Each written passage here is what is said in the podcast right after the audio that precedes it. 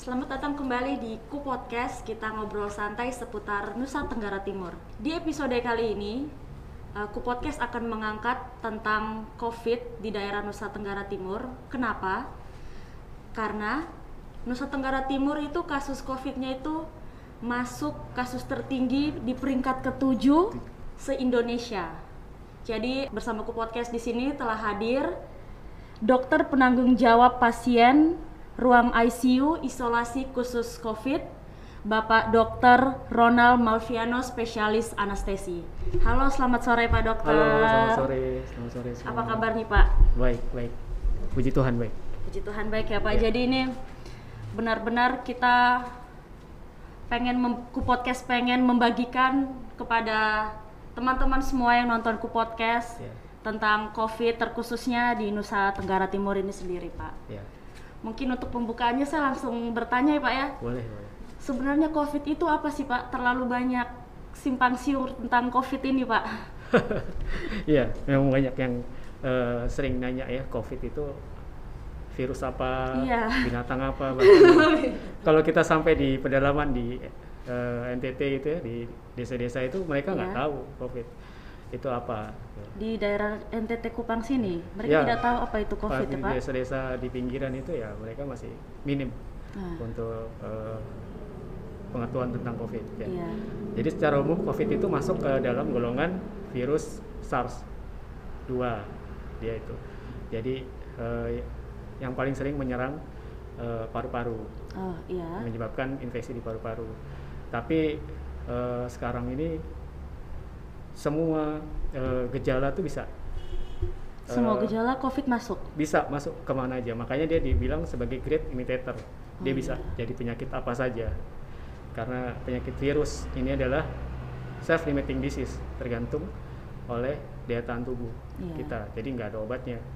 Yang ada antivirus itu bukan obat untuk mematikan virus ya, Hmm. Iya. tapi untuk eh, mencegah penyebaran virusnya. Apa, eh, virusnya bertambah banyak dalam tubuh. Jadi bukan mematikan virusnya. Nah, celakanya Mm-mm.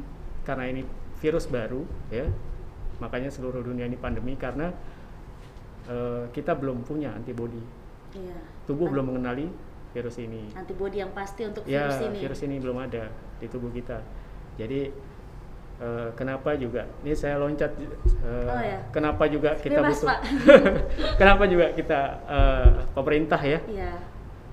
semua negara tuh pemerintahnya menggalakkan tentang eh, vaksin Vaksin. pemberian Iya. vaksin pada eh, penduduknya Oh itu ditahan dulu, ntar Oke, kita oke. untuk lebih Siap, jauh ke siap. vaksinnya mungkin Iya, di iya. next.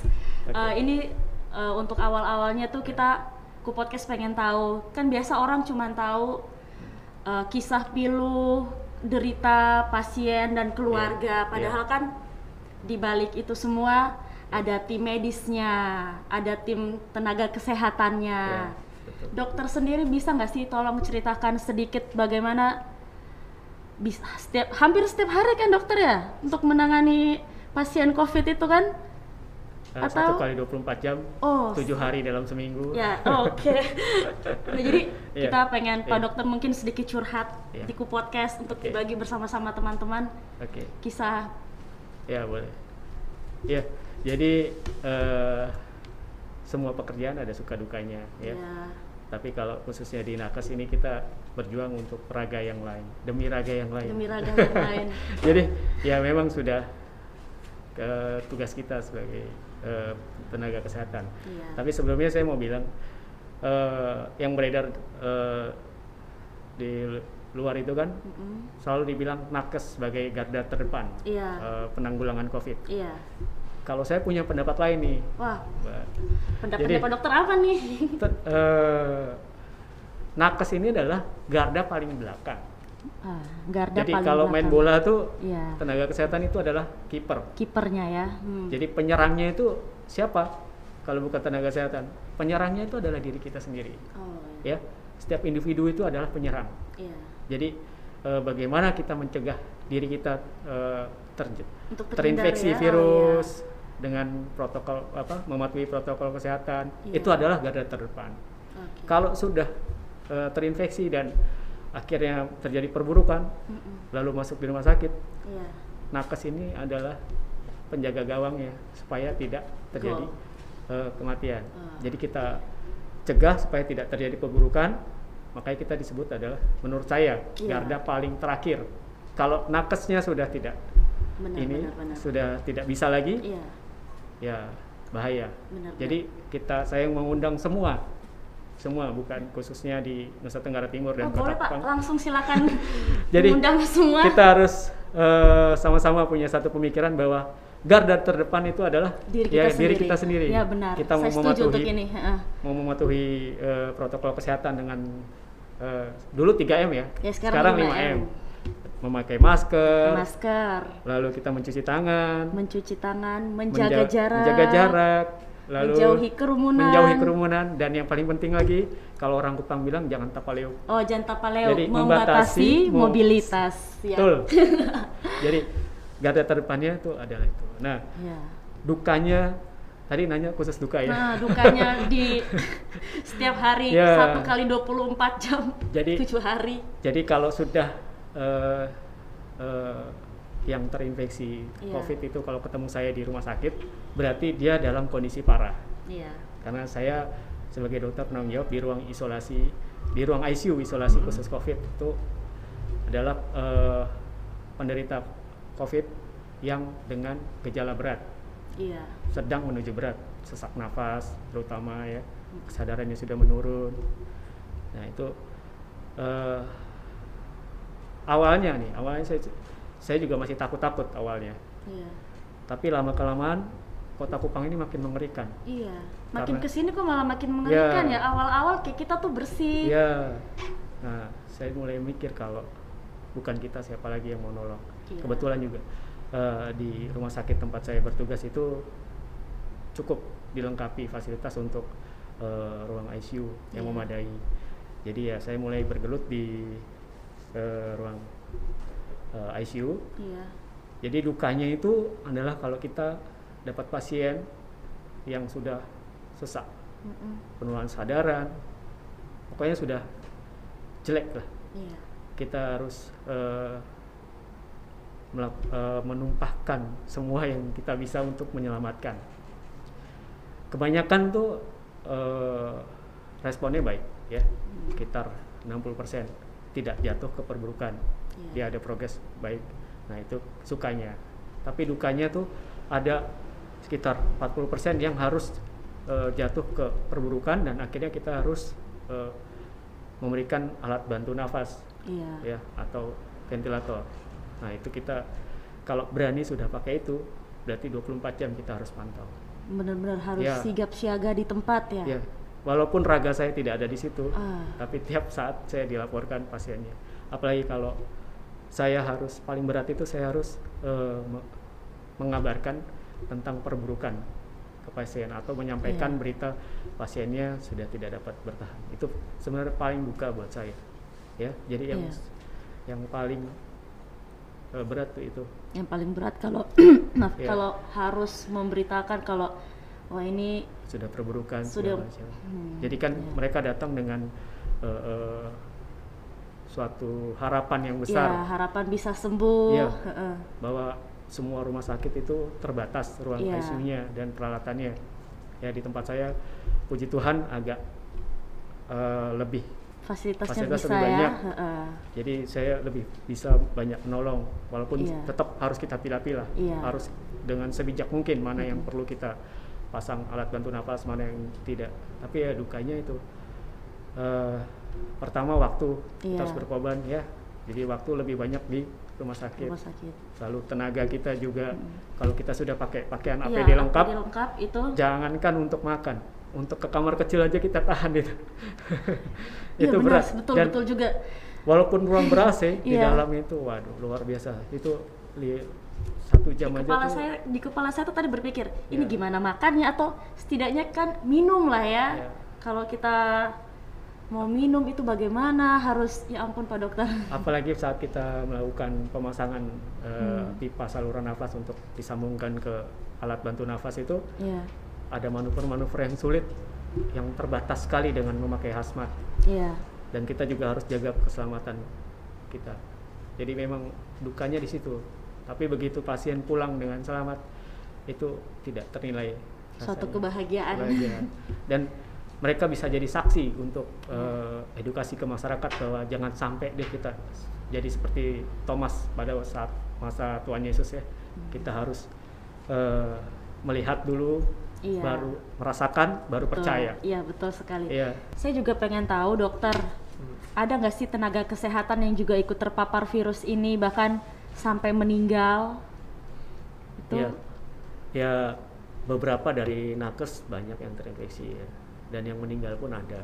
Ya, walaupun eh, jumlahnya belum terlalu banyak karena Iya. kita antisipasi, Iya. karena kita cepat antisipasi. Awalnya tuh kita kecolongan, jadi kita merawat pasien yang ternyata positif. Oh iya. Akhirnya tenaga kesehatan banyak yang terkena, tapi yang yang sembuh banyak eh, dan yang meninggal juga ada. Nah, yang meninggal ini rata-rata yang eh, usianya sudah di atas 50 dan eh, punya penyakit penyerta. Oh. Ya. Jadi ini dokter, eh, apa virus virus COVID ini kan seperti kita awam tahu tuh Ya. memang sangat dahsyat ya, sangat sadis lah kalau Ya. dibilang. Tapi kok bisa sih sampai membuat orang tuh meninggal? Apa karena memang penyakit bawaannya yang seperti tadi dokter bilang atau karena virus ini sendiri? Ya, ya pertanyaannya bagus. Nah. jadi, eh, virus eh, corona itu disebut corona karena eh, dia bentuknya tuh seperti mahkota, makanya dinamakan. virus Spesial corona. sekali ya, Ya, bentuknya. kalau dilihat bentuknya nggak Iya. menakutkan ya. Kalau Hmm. dari dari dari saya belum pernah lihat langsung sih. Iya, Semoga nggak nggak usah lihat. nggak usah dokter Amin, nggak usah dilihat. jadi ya, jadi kalau dari eh, eh, eh, ilmu secara ilmiah saya bisa jelaskan secara eh, eh, umum Iya. bahwa virus itu sebenarnya dia hanya pemicu aja dia Oh. trigger aja trigger Mm-mm. untuk eh, antibodi kita bekerja jadi selama ini kita sakit flu sakit demam Iya. berdarah tidak terjadi perburukan karena antibodi kita sudah ada yang spesifik untuk virus tersebut Hmm. makanya begitu Iya. virus masuk antibodi antibodi antibodi kita bekerja dan eh, melawan virus tersebut Sudah kenal dengan Sudah kenal virus tersebut, virusnya. iya. nah karena ini virus baru Heeh. jadi antibodi kita tubuh kita tuh belum mengenali virus ini Iya. ya pada orang-orang yang dewasa muda sehat tanpa ada eh, kelainan eh, Penyakit lainnya. penyerta Heeh. itu biasanya antibodinya pintar Oh. masih bagus jadi dia menganalisa lalu dia eh, mengumpulkan data-data lalu baru melakukan reaksi terhadap eh, virus tersebut Iya. nah akhirnya kita sembuh nah yang bahaya ini pada penyakit eh, orang-orang yang sudah usianya di atas 50 Iya. ya teori mem- eh, mengatakan bahwa usia di atas 50 untuk terjadi perburukan itu naik eh, 53% ya jadi eh, antibodinya tuh udah udah sistemnya tuh udah tidak sebagus ya saat dengan orang sehat dibandingkan di orang sehat. umur Ya, 50 tahun ke bawah jadi ya. begitu ada virus masuk ke tubuhnya antibodinya bingung. Lalu dia akan eh, mengeluarkan maksimal antibodinya. Iya. itu yang eh, dinamakan nanti badai sitokin. Jadi eh, penyebab perburukan itu adalah karena terjadinya badai sitokin dalam tubuh kita. Itu seperti apa sih maksudnya dokter? Badai jadi antibodi kita tuh berlebihan. Ibaratnya kalau kita mau Oh. menyerang eh, kota Kupang Iya. kita pakai bom atom hanya Jadi- untuk menghancurkan Ya, satu kota Kupang. ya, jadi dahsyat. banyak juga eh, yang kena organ-organ vital kita Hmm. ya Iya. terus eh, karena ada reaksi antibodi dan eh, ada reaksi antigen dan antibodi akhirnya bisa juga terjadi pengumbalan di, di, dal- di dalam darah kita Berarti reaksi dari tubuh kita yang secara berlebihan Ya, itu tidak baik. tidak baik karena dia juga membabi buta Oh ya. Dan dia eh, menyebabkan adanya timbunan cairan di mana-mana Hmm. dan bisa menyebabkan pengumbalan darah. Nah itu yang paling bahaya itu pengumbalan darahnya. Nah kalau pengumbalan darah itu bahkan sekarang banyak eh, pasien-pasien yang sudah dinyatakan negatif Iya. bisa terjadi perburukan. Ternyata penyebabnya paling banyak karena adanya sumbatan di organ-organ vital. Ya kalau dia penyumbatan di kepala dia nanti gejalanya stroke, kalau penyumbatan di jantung bisa seperti orang gagal jantung. Jadi meskipun sudah negatif, Ya, virusnya sudah tidak ada. virusnya tidak ada, Ya, tetapi dia masih menyisahkan ya. bekas Masalahnya yang banyak. Oh ya, itu cukup panik juga ya, ya, Dokter. jadi virus itu dia bisa jadi apa saja. Jadi dia bisa di mana saja. Iya. Makanya virus corona itu di- di- dibilang sebagai the great innovator. Ada yang kebanyakan sih ya keluhannya Iya. sesak. Ada yang keluhannya hanya eh, pencernaan. Jadi dia sakit Hmm. Pencernaan juga perut, bisa ya, diare, Oh, badan lemas, ternyata diperiksa COVID positif. Ini mungkin untuk saya jadi tegang ya. mungkin yang nonton ikutan tegang. Ya. Dokter boleh nggak sih uh, ada nggak sih kabar baik dari COVID ini mungkin secara global deh dokter. Ya. Coba tolong disampaikan ke kita mungkin para pendengar di rumah uh, apa supaya jangan terlalu khawatir siapa tahu ada kabar baik. Ya. To- bisa tolong disampaikan. Iya. Sebenarnya semua punya kekhawatiran yang sama, ya. Mbak Dewi. Jadi eh, kita nih selama ini berpikiran wah ini COVID ini kayak arisan aja nih. Hari ini dia Kocok keluar nama ya, udah selesai. kapan kita itu pasti Iya. sama.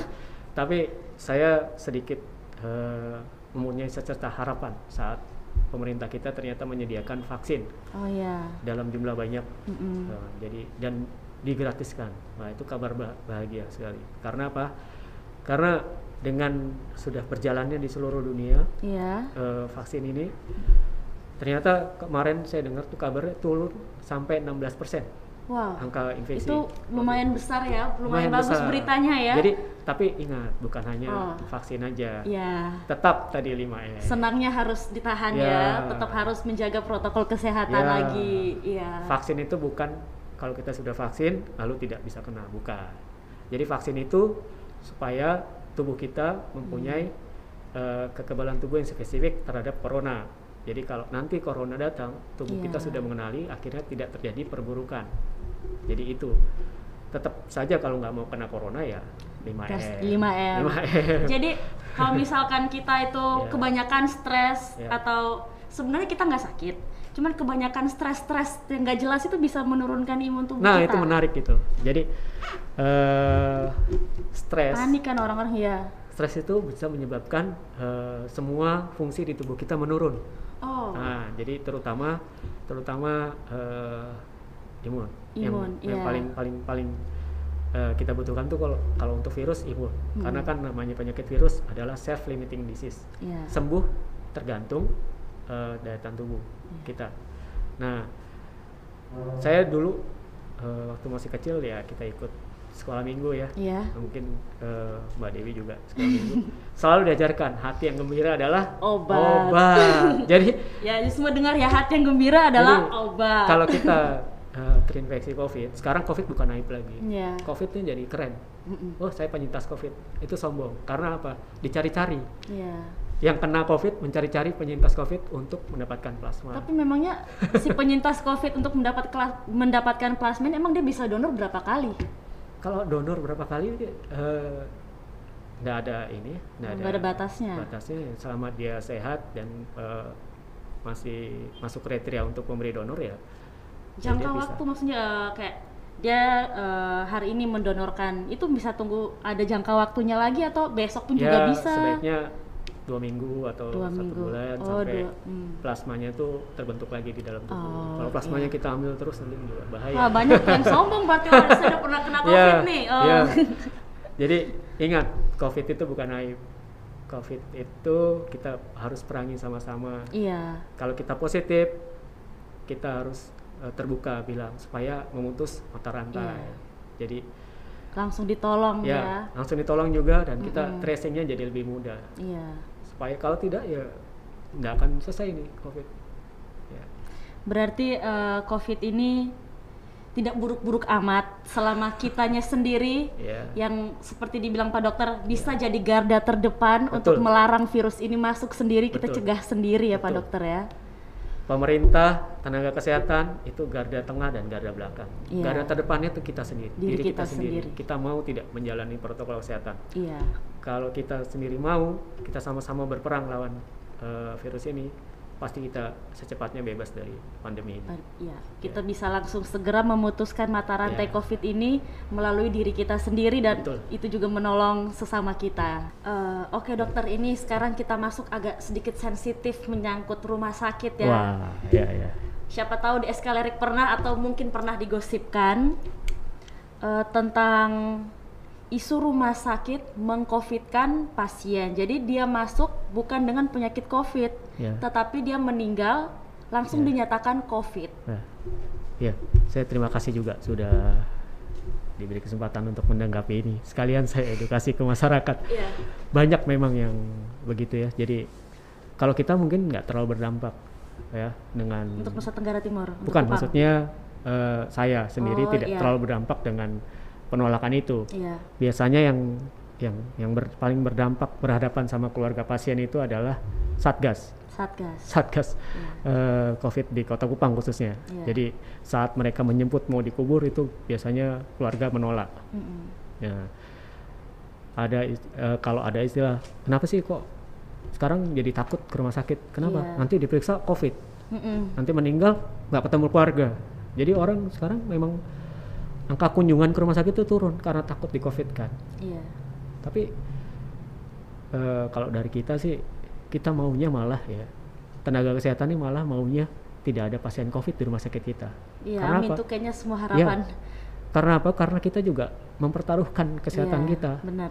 Mungkin kita kuat, tapi Iya. kita pulang ke rumah ada keluarga kita yang mungkin ada penyakit penyerta, ada orang tua yang di atas 50 tahun. Iya. Karena jadi kita bisa menularkan ke eh, orang-orang terdekat kita. Iya. Jadi kalau bisa tidak ada pasien COVID. Nah, tapi sekarang memang eh, protokolnya kalau kita masuk ke rumah sakit Mm-mm. mau dirawat itu harus diperiksa, Iya. harus diperiksa. Karena apa? Karena kalau positif dan eh, tidak diperiksa Mm-mm. itu berapa orang yang ditesting, berapa tenaga kesehatan yang harus eh, Iya, terinfeksi dan benar. akhirnya rumah sakit itu ada akan kolaps. Itu Iya. sih sebenarnya kenapa kita periksa COVID. Terus kalau yang meninggal kan eh, bapak saya ini stroke, bapaknya saya jantung, Mm-mm. meninggal bukan karena COVID. Pas meninggal diperiksa swab ternyata Iya, positif COVID. COVID. Begitu mau dikubur ribut. Iya. Ya jadi sama sekali tidak. Jadi tujuan kita, tujuan pemerintah itu kenapa pada pasien yang probable Iya. ya bukan hanya COVID. Mm-mm. Kalau kita anggap ini kemungkinan besar COVID juga kita akan melakukan eh, penerapan protokol penguburan yang sama. Iya. Sebagai kita eh, anggap sebagai COVID. Kenapa? Itu sebagai salah satu usaha kita untuk memutus mata rantai penyebaran, ya kan? Yang beredar di masyarakat bila eh, kita meninggal, Iya. berarti COVID itu juga meninggal di dalam tubuh kita. Sebenarnya tidak. Oh, dokter itu kita Oh, iya. tahan tahan sedikit Oh, iya. sampai ke situ. Sampai kaget ya, saya. Kita, Oke. sorry dokter. Ini kita balik lagi Oh, iya, sedikit iya, ke iya. Oke oke. eh, isu Heeh. rumah sakit mengcovidkan pasien. heeh. Eh, ada dari bahasa-bahasa di luar katanya itu menguntungkan pihak rumah sakit karena oh kalau misalkan mereka covid nanti rumah sakit dikasih tambah bantuan dikasih tambah duit seperti itu dokter Oke, baik. itu benar nggak sih dokter? Ya. kepo nih kepo. Ya kita harus ya mau gimana ya? Eh, kita berbuat baik juga pasti orang akan anggap kita negatif ya. Kita bekerja selalu dianggap diukur dengan materi. Ya. padahal pengabdian kita tuh hanya demi raga yang lain dan demi eh, keluarga kita juga. Kita di Kupang ini kota kecil ya. Iya. Jadi ke sana kenal ke sini kenal. Benar. nanti kalau kena keluarga-keluarga kita juga yang rawat belum ada cium Iya. hidung kita. Masa sih kita tega gitu? Hmm. kita menari di atas penderitaan orang. Iya, bahkan saya sampai saat ini sampai saat ini saya tidak tahu. Saya merawat pasien covid itu saya dapat berapa saya tidak tahu. Iya. Jadi eh, apa yang mau diuangkan gitu? Oh. saya mempertaruhkan eh, diri saya dan orang-orang terdekat saya untuk terinfeksi eh, covid terus demi, demi- kes- untuk kesembuhan demi orang hanya- raga lain rupiah yang Iya. seberapa itu saya rasa irasional buat saya ya cuman iya. sangat ya, disayangkan ya ya mungkin mungkin itu ya kita harus mengerti juga ya namanya orang habis kehilangan orang yang, yang Iya. disayang mereka masih denial segala macam ya kita terima saja kita tidak boleh eh, terlalu bereaktif dengan itu kita eh, lihatkan saja dengan pengabdian kita dengan bekerja tulus Mm. untuk masyarakat ya semoga masyarakat mengerti jadi kita tidak pernah berpikir tentang rupiah untuk Ah. untuk merawat pasien covid ya kita bahkan tidak mengerti berapa yang eh, didapat rumah sakit dari kita merawat pasien Iya. apalagi berapa yang kita dapat Iya. ya itu Terus Jadi itu. em, ada lagi Nah. apa bahasa-bahasa kalau ini orang kalau sudah meninggal virusnya pun ikut mati. Ya. Tapi kok kenapa sih proses penguburannya harus sesadis ini, setega ini menjauhkan kita dari orang yang kita sayang seperti itu. Padahal kan ini udah detik terakhirnya, tapi Ya. kita lihat pun juga udah nggak boleh. Betul. Jadi sebelumnya saya jelasin dulu. Jadi eh, virus itu untuk hidup dalam tubuh kita dia akan menempel di sel inang, ya di sel-sel tubuh kita. Dia akan nyari rumah, namanya eh, sel inang itu rumah untuk virus. Begitu rumahnya eh, mati, Iya. virus akan mencari rumah baru.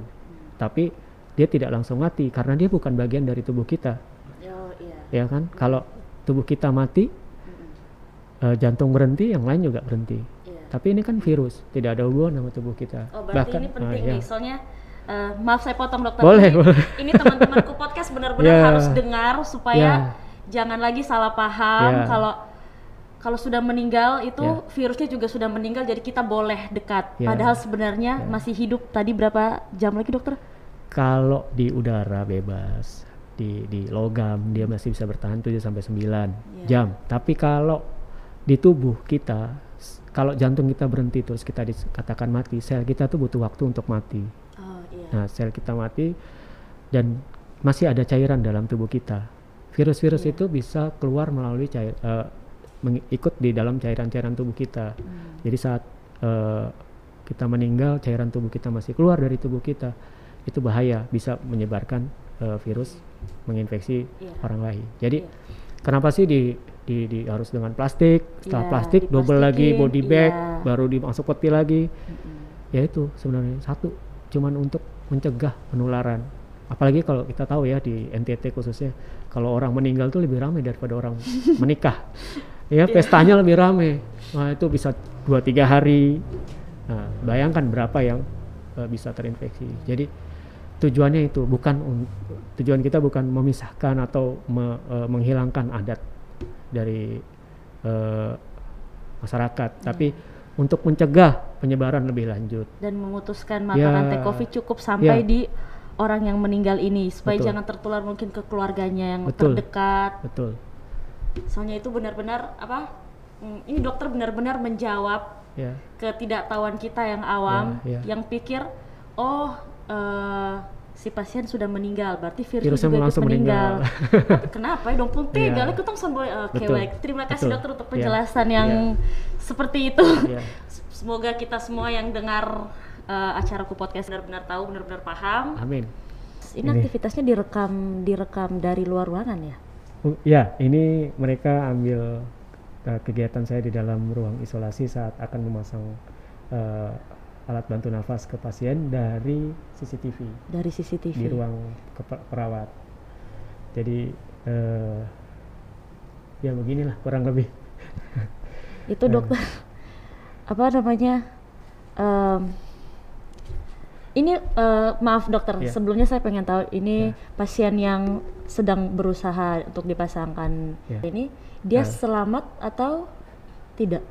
Ini uh, sampai hari ini masih kita rawat Masih di ruang ICU. di ruang ICU dengan uh, bantuan alat bantu nafas ventilator itu. Iya. Jadi eh, memang kalau awam yang melihat ya eh, ruang ICU itu adalah ruang yang sangat menyeramkan ya, Ya, momok buat mereka. Mm-mm. Tapi buat saya itu eh, campur-campur ya. Iya. Kadang menjadi ruang yang menyenangkan kalau saya melihat pasien saya sudah sembuh dan bisa pulang dengan senyuman. Dan bisa menjadi menyeramkan kalau pasien saya jatuh dalam perburukan. Jadi yang paling eh, Yang paling kayak terasa pilu sekali Ya. itu kayak em, ada pasien, ya pasiennya kan bukan cuman satu, terus ya kemudian para tenaga kesehatan yang di dalam itu Ya.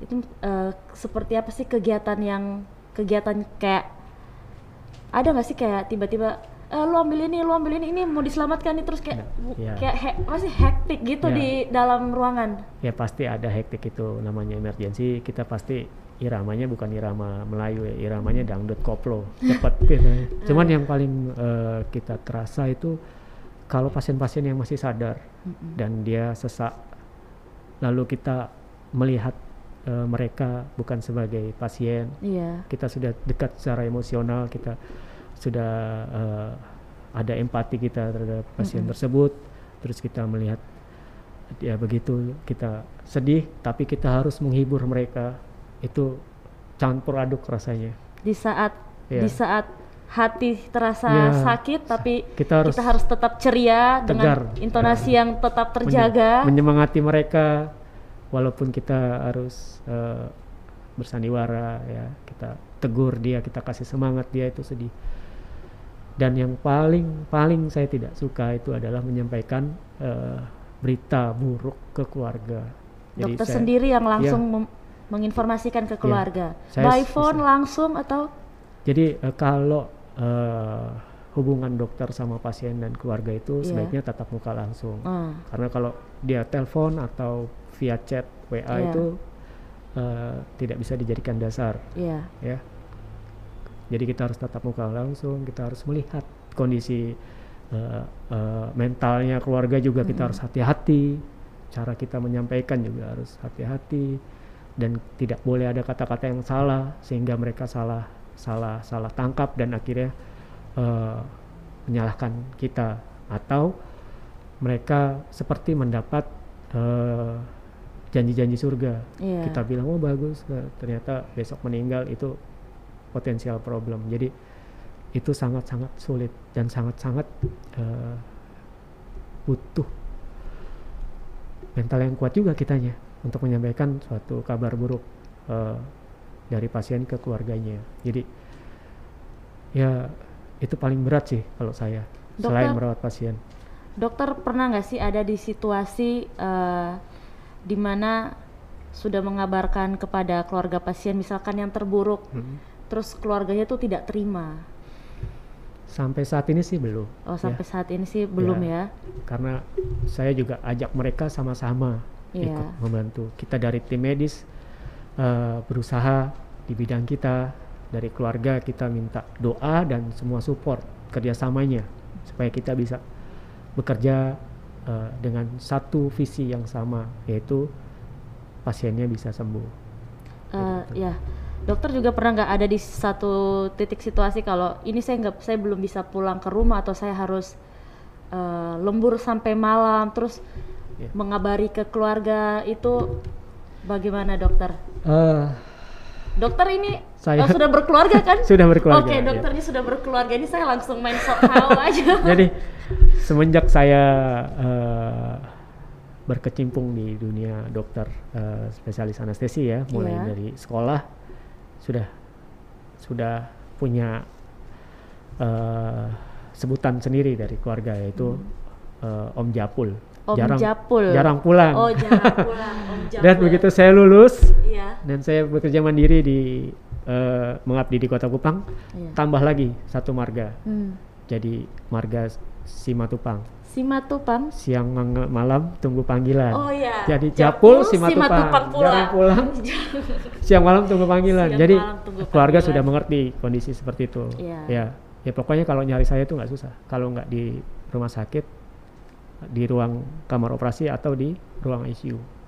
Nah tambah lagi sekarang COVID ya mungkin Ruang Ekstra lagi. Ekstra. Cuman memang eh, kita mulai membatasi pasien juga di Iya. rumah sakit. Membatasi pasien. Ya untuk Itu untuk kenapa? selain COVID karena memang dari pasiennya sendiri yang Iya. mungkin takut datang ke rumah Mhm, sakit. iya. Yang kedua juga eh, supaya tidak terjadi eh, penyebaran juga di rumah sakit kan sumber infeksi kita Mhm. tahu kan kalau di NTT ini Iya. satu orang yang sakit yang nganter satu RT. Hmm, betul betul betul. Jadi memang kita batasi untuk yang yang bisa kita tunda operasinya kita tunda. Tapi kalau operasi eh, harus segera tetap Iya. kita dilayani dengan apa pun itu ya, walaupun dia COVID juga kita tetap eh, menyelamatkan. Mungkin di sini kita eh, ya. belum belum begitu betul-betul merasakan piluhnya ruang ICU karena kita nggak masuk ke dalam ya, Ya, karena betul. kita juga nggak ngikutin setiap hari karena eh, siapa sih kita mau berani Ya. masuk untuk tertular untuk Ya. mengikuti itu padahal kalau ini sebenarnya sangat seru kalau misalkan kita ikuti setiap hari ini Ya. bisa-bisa kayaknya kita yang nangis sendiri karena tadi saya benar-benar terharu ketika Ya. dokter bilang ini kondisinya buruk tapi dokter harus tetap menyemangati mereka. menyemangati mereka padahal hati dokter sendiri Ya. sudah saya Uh, saya sendiri gitu sudah ya, udah, saya uh. sendiri sudah hopeless gitu. Iya. Tapi tetap harus menyemangati mereka tuh eh, rasanya berat. Terus ya kalau saya mungkin masih bisa pulang ya. Iya. Tapi teman-teman saya perawat di ruang isolasi itu Ah. ada yang sudah dua bulan tidak pulang ke rumahnya karena mereka diisolasi sendiri. itu mereka pulang ke mana dokter Mereka ada tempat eh, isolasi untuk petugas Oh, nakes tempat. yang kerja di Hmm. isolasi. Nanti setiap eh, satu bulan atau dua bulan mereka akan berganti sih. itu memang disediakan oleh Sediakan oleh pemerintah. oleh pemerintah Ya, kalau saya karena saya pulang terus, ya, ya itu ham- seminggu hampir dua kali hidung dicolok-colok ya, di dicek. Kalau saya positif ya saya isolasi. dokter pernah positif Belum. puji Tuhan, Puji Tuhan belum belum. ya amin Ya, jangan jangan jangan, sampai. sampai lah Jangan dokter sampai. ya Ya, karena kalau eh, yang paling penting di rumah sakit itu bukan alat-alat yang mahal-mahal itu, tetapi tenaga kesehatan ini. Kalau Iya. mereka nggak ada kurang, Iya. sudah kita tidak bisa merawat apa-apa, walaupun ada fasilitas yang lengkap. benar benar ya, sekali jadi dokter. kita jaga benar-benar fas- eh, tenaga kesehatan kita supaya jangan terinfeksi. tadi kan saya sempat cut ketika Ya. dokter mau menjelaskan tentang eh, vaksin ini kan Betul. Eh, jadi benar gak sih dokter vaksin ini itu bisa untuk menjadi harapan kita untuk ke depan kita tuh udah nggak takut bepergian lagi atau apa pun setelah sudah divaksin tapi sebelum itu ada rumor tentang kok ini kita divaksin tapi tetap masih kena juga Setelah divaksin setelah positif. divaksin masih positif juga itu dokter boleh menjelaskan untuk kita Oke oke. Jadi eh, ya vaksin itu kan bukan kalau kita divaksin bukan berarti kita tidak bisa kena. Jadi vaksin itu adalah eh, memasukkan virus yang tidak aktif atau virus mati ke Iya. dalam tubuh supaya tubuh mengenali ya. Jadi antibodi kita mengenali virus tersebut. Hmm. Sehingga suatu saat kalau kita terinfeksi Mm-mm. tubuh kita sudah punya antibodi spesifik untuk virus tersebut. Akhirnya ya kita sama seperti kalau eh, flu. Iya. Flu dulu puluhan tahun lalu Iya. saat pertama kali ada flu itu pandemi seluruh dunia Hmm. dan jumlah yang meninggalnya lebih banyak flu. Flu. Saat ini kita kena flu tuh cuman eh kayaknya gejala flu nih. Oh, iya. Padahal dulu sangat-sangat menakutkan. Iya. Nah, itu yang kita kejar dengan vaksin.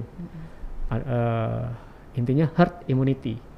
Jadi untuk mengejar herd immunity itu minimal 75% dari populasi di negara atau di dunia ini Iya.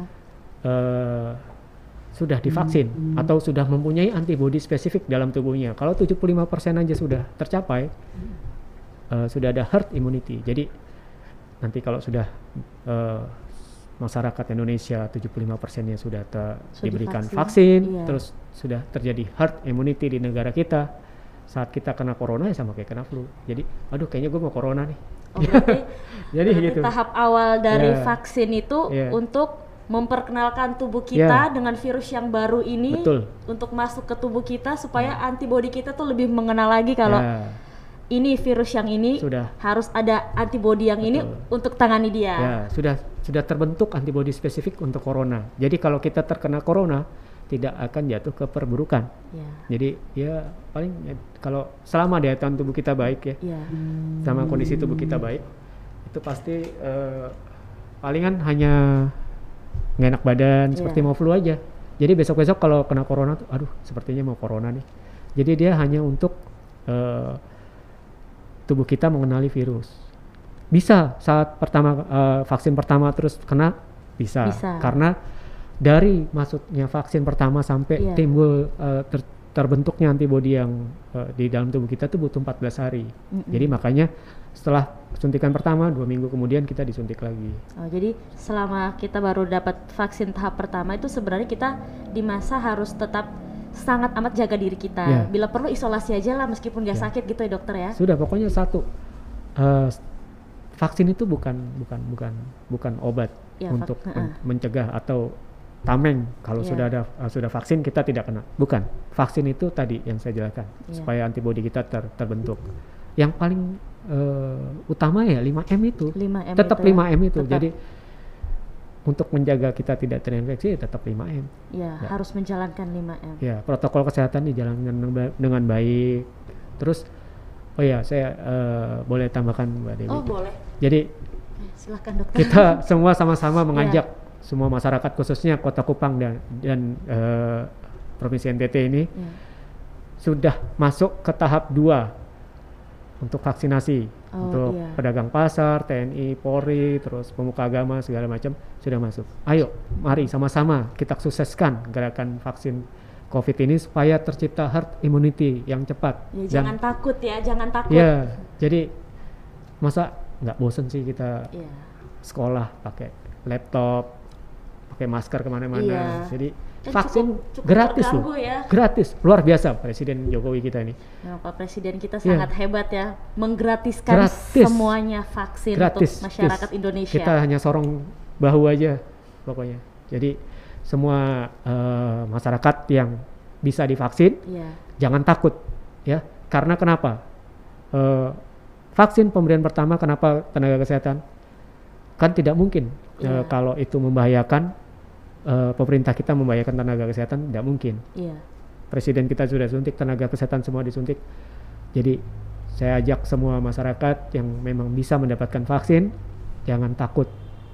Mari kita sukseskan gerakan vaksinasi ini supaya tercipta herd immunity lebih cepat di negara kita khususnya. Itu Mbak Dewi. Terima kasih Pak Dokter. Eh, mungkin eh, kehadiran Pak Dokter di Ya. Ku Podcast bisa menambah pengetahuan teman-teman kita di luar sana mungkin yang belum Amin. pertama di daerah pelosok belum Ya. terlalu tahu apa itu COVID. Ya. Kemudian poin penting tadi kenapa sih orang kalau meninggal tetap kita dijauhkan. Kemudian sama vaksin vaksin tahap pertama itu itu benar-benar suatu informasi yang sangat penting untuk kita semua. Jadi Ya. kita semua di rumah tuh tidak boleh panik karena stres itu sendiri Iya. bisa menurunkan imun kita. Mungkin ada pesan-pesan yang eh, pesan-pesan untuk kita semua terkhususnya warga Kupang, warga Nusa Tenggara Timur Ya. tentang COVID seperti 5M tadi itu, Pak. Boleh Ya. langsung silakan. Jadi saya mengajak mama bapak, saudara semua, eh, kakak adik eh, untuk tetap eh, mematuhi protokol kesehatan dengan 5M ya. Iya. Jadi yang pertama memakai masker, kedua mencuci tangan, Cuci tangan, ketiga menjaga jarak, menjaga jarak, keempat menjauhi kerumunan dan yang kelima membatasi, membatasi mobilitas. mobilitas ya. Jadi eh, 5M itu harus kita patuhi dan kalau sudah saatnya kita mendapatkan vaksin, segera datang ke pusat-pusat layanan kesehatan yang ditunjuk untuk memberikan vaksin. Dan salam sehat, ya. tetap Salam sehat, sehat, tetap, tetap sehat. Pokoknya jangan kita putus asa. Ya, mari kita sama-sama Ya. memutuskan mata rantai COVID ini. Ya. Terima kasih Pak Dr. Ronald sudah datang Ya, ke Ku Podcast. Sampai bertemu di episode selanjutnya. Dadah.